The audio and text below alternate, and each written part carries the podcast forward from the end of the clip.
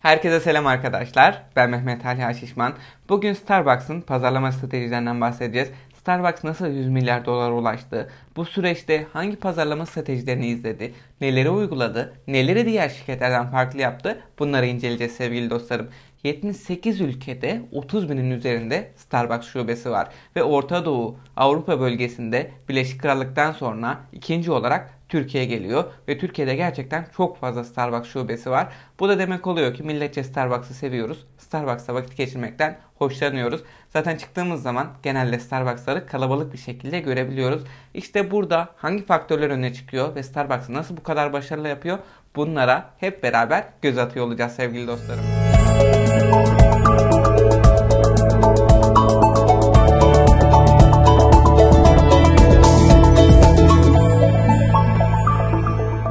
Starbucks'ın birinci olarak uyguladığı pazarlama stratejisi Starbucks'tan kahve satın almıyoruz. Starbucks deneyimi satın alıyoruz. Howard Schultz Starbucks'ı ortaklardan teslim aldığı zaman aklında şu fikir vardı sevgili dostlarım. Üçüncü bir mekan. En çok nelerde vakit geçiriyoruz? Evimizde ya da işimizde. Rahatlamak, dinlenmek ya da bir hobimizi gerçekleştirmek, bir şeyler yazmak, bir işimizi tamamlamak için rahat, konforlu ama rahatsız edilmeyeceğimiz bir mekana ihtiyacımız var. Buna üçüncü mekan diyoruz sevgili dostlarım. Ve genel olarak kullandığımız üçüncü mekansa Starbucks sevgili dostlarım.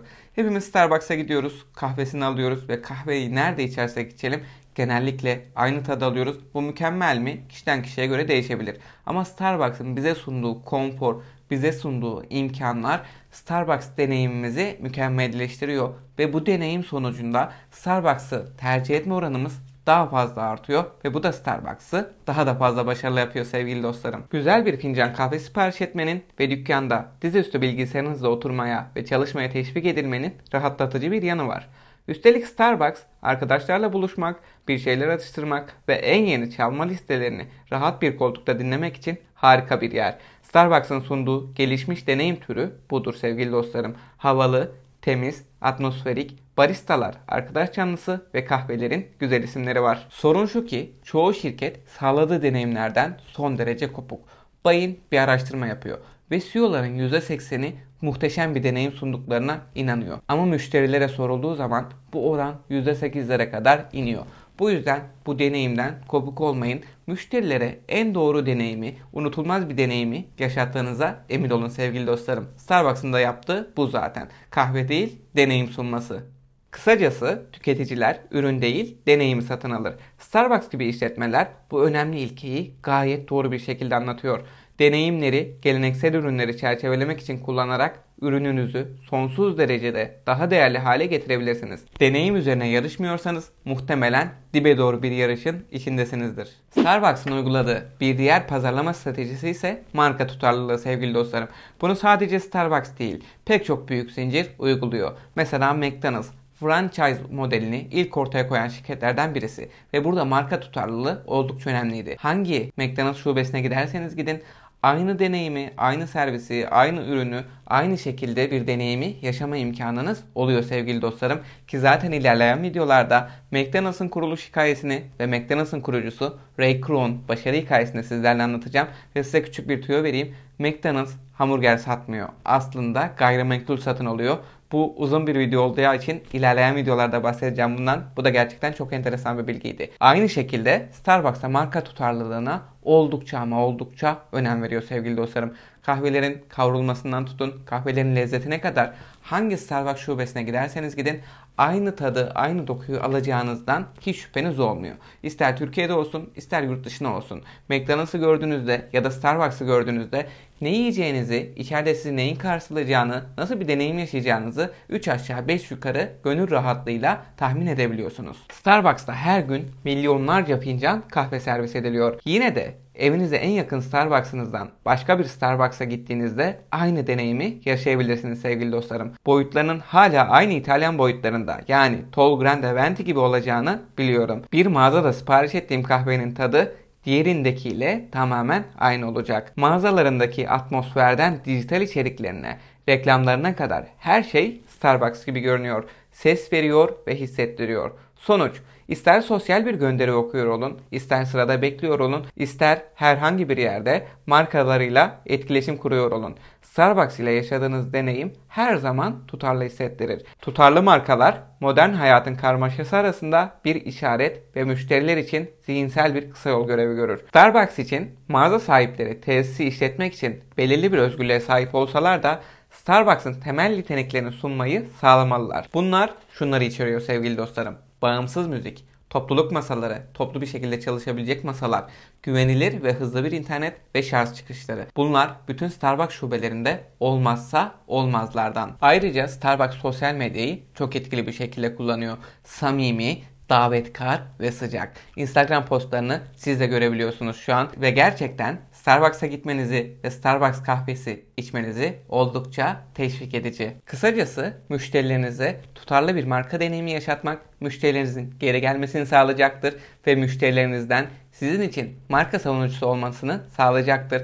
Ve gerçekten bu strateji oldukça önemli ve oldukça kritik sevgili dostlarım. İster bir kafe işletin, ister bir restoran işletin, isterseniz farklı bir mağaza işletin ama markanızın tutarlı olması müşterilerinize güven verecektir ve müşterileriniz de sizi sık sık ziyaret edeceklerdir. Starbucks'ı ortalama müşterileri ayda 16 kez ziyaret ediyor ve bu da Starbucks'ın ne kadar tutarlı bir marka olduğunun bir göstergesi sevgili dostlarım.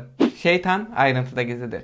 Küçük şeyler aslında oldukça önemlidir ve bu küçük şeyler bir araya gelerek mükemmelliği oluşturur. Starbucks'ta da aynı durum söz konusu. Ayrıntılara gösterilen özen yüksek performanslı organizasyonların başlıca özelliğidir ve Starbucks da bunun çok güçlü bir uygulayıcısıdır sevgili dostlarım. 2016 yılında Starbucks mağazalarından aktardığı müzik için Spotify ile ortaklık kurdu. Ayrıca müzik akışı hizmetini mobil uygulamasına entegre ederek müşterilerin ne çaldığını görmelerini ve daha sonra kullanmak üzere kaydetmelerini sağlıyor.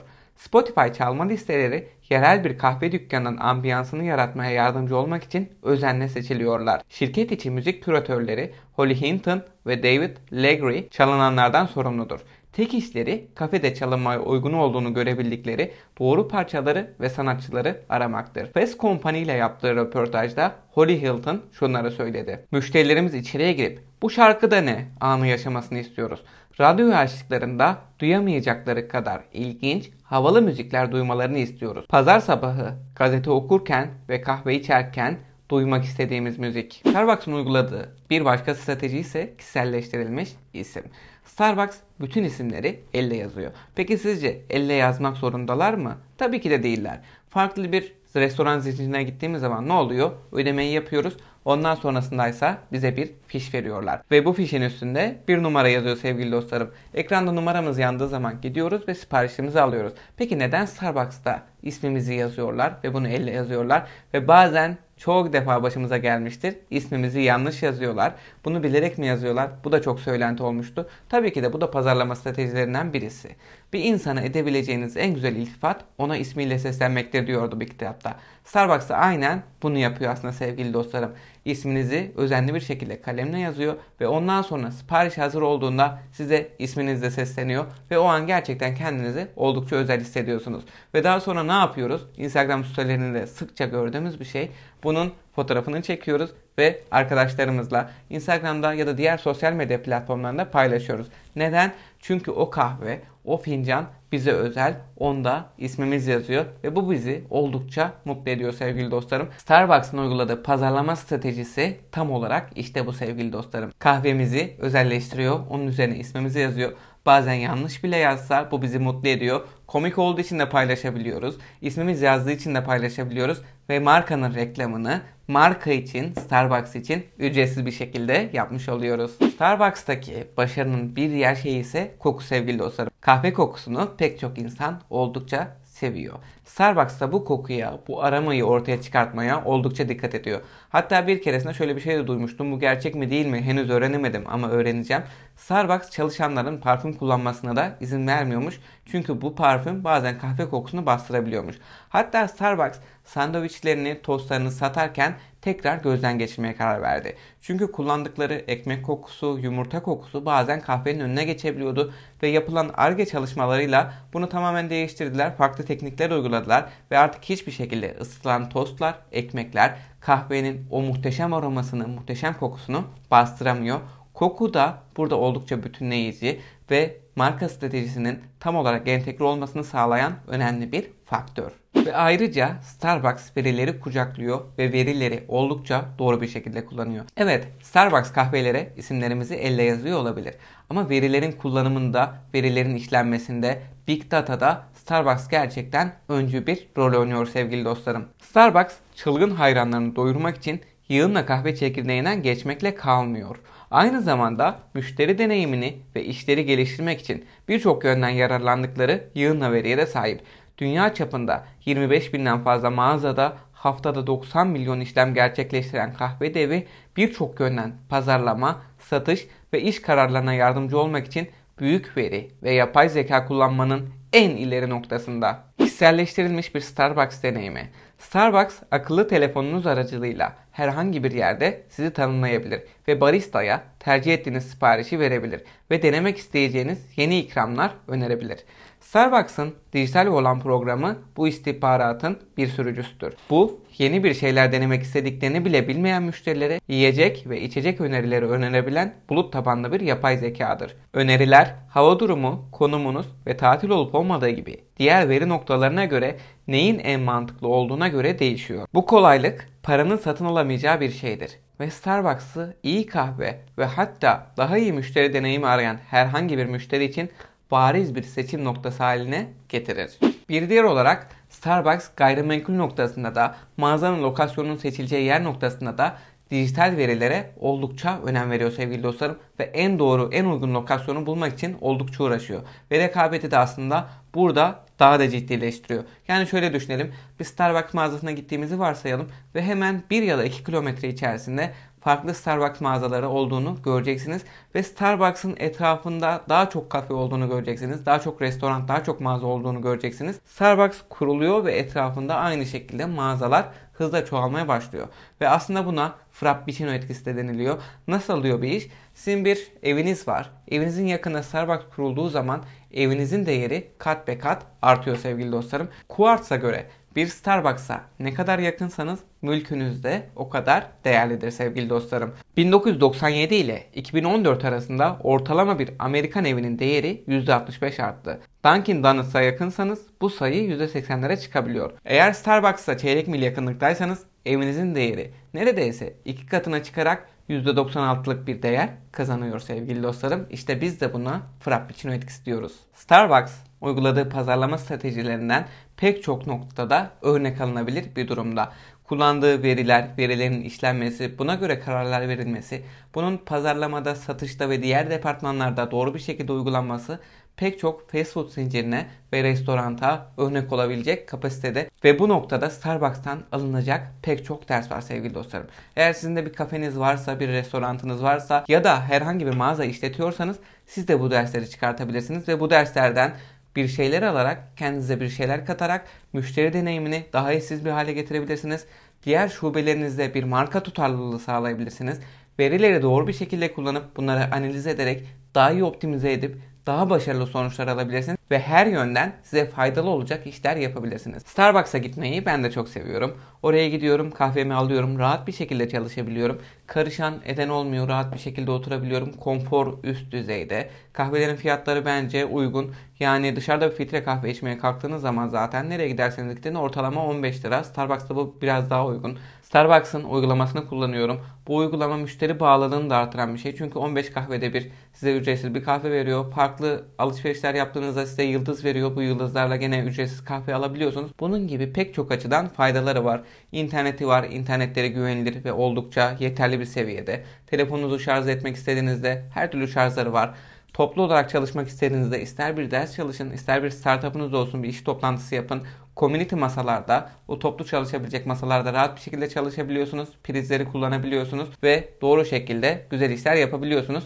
Kendinizi tam bir üçüncü mekanda buluyorsunuz. Eviniz, işiniz ve ondan sonra Starbucks. Ayrıca Starbucks'ta çok fazla çalışan insan da görüyorum. Mesela ben de bir ara düzenli bir şekilde Starbucks'a gidiyordum çalışmak için. Ve sürekli mesela sabahın 9'unda 10'unda oraya gelmiş, kahvesini almış. Aynı işe gider gibi Starbucks'ta oturup çalışan insanlarla tanışmıştım. Onları görüyordum ve bu oldukça ilginç. Starbucks işte bunu üçüncü mekan olarak ortaya koyuyor. Ve uyguladığı pazarlama stratejileri de müşteri bağımlılığını her geçen gün daha da güçlendiriyor sevgili dostlarım. Ve bundan dolayı zaten 76 farklı ülkede 30 binin üzerinde mağazası var ve 100 milyar dolara ulaşan bir şirket ve oldukça başarılı bir şirket. Umarım sizler için keyifli, faydalı bir video olmuştur sevgili dostlarım. Ayrıca Starbucks'ı bugünlere getiren Howard Schultz'un başarı hikayesi videosunu izlemediyseniz mutlaka o videoyu da izlemeniz gerek. O videoyu izledikten sonra farklı fikirleriniz olacaktır. O videodan da ilham alacaksınızdır. Umarım sizler için faydalı, keyifli, güzel dersler çıkarılabilecek bir video olmuştur. Videomuzun sonuna geldik. Videoyu beğendiyseniz beğen butonuna basmayı, henüz abone olmadıysanız abone olmayı ve yeni videolardan ilk siz haberdar olmak için zilleri aktif hale getirmeyi unutmayın. Ben Mehmet Ali Haşişman. İzlediğiniz için teşekkür ederim. Kendinize çok iyi bakın. Hoşçakalın.